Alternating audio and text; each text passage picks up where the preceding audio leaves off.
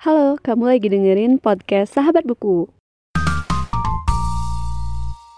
Halo semuanya dan selamat datang kembali di podcast Sahabat Buku. Bagi kamu yang baru pertama kali mendengarkan podcast ini, podcast Sahabat Buku adalah sebuah podcast yang membahas review buku dan pengalamanku saat membaca buku. Episode ini adalah episode ke-19 dari challenge podcast yang sudah aku buat dan tema untuk episode kali ini adalah buku misteri. Oke, jadi langsung aja ke daftar buku yang akan aku bahas. Di sini ada tiga buku dari Sugada dengan judul Muslihat Berlian, Efek Sejarah dan Rencana Besar. Ini baru banget aku baca di bulan Maret dan juga April ini dan seperti yang aku bilang di episode sebelumnya, ini bakal aku buatin uh, satu episode khusus karena buku-bukunya menarik banget. Dan selanjutnya ada buku dengan judul The Perfect World of Miwako Sumida. Ini buku dari Clarissa Gunawan yang aku udah sempat baca di tahun lalu dan buku ini belum aku sempat buatin reviewnya juga, tapi jujur ini menarik banget karena mengisahkan tentang uh, dua orang teman yang pengen tahu gitu kenapa si uh, Miwako Sumida ini bisa sampai bunuh diri gitu. Dan selanjutnya ada buku dengan judul Ferris Wheel at Night karya Minato Kanai. Ini bisa dibilang buku fiksi Jepang pertama yang aku baca, yang aku ingat uh, karena yang lain juga, maksudnya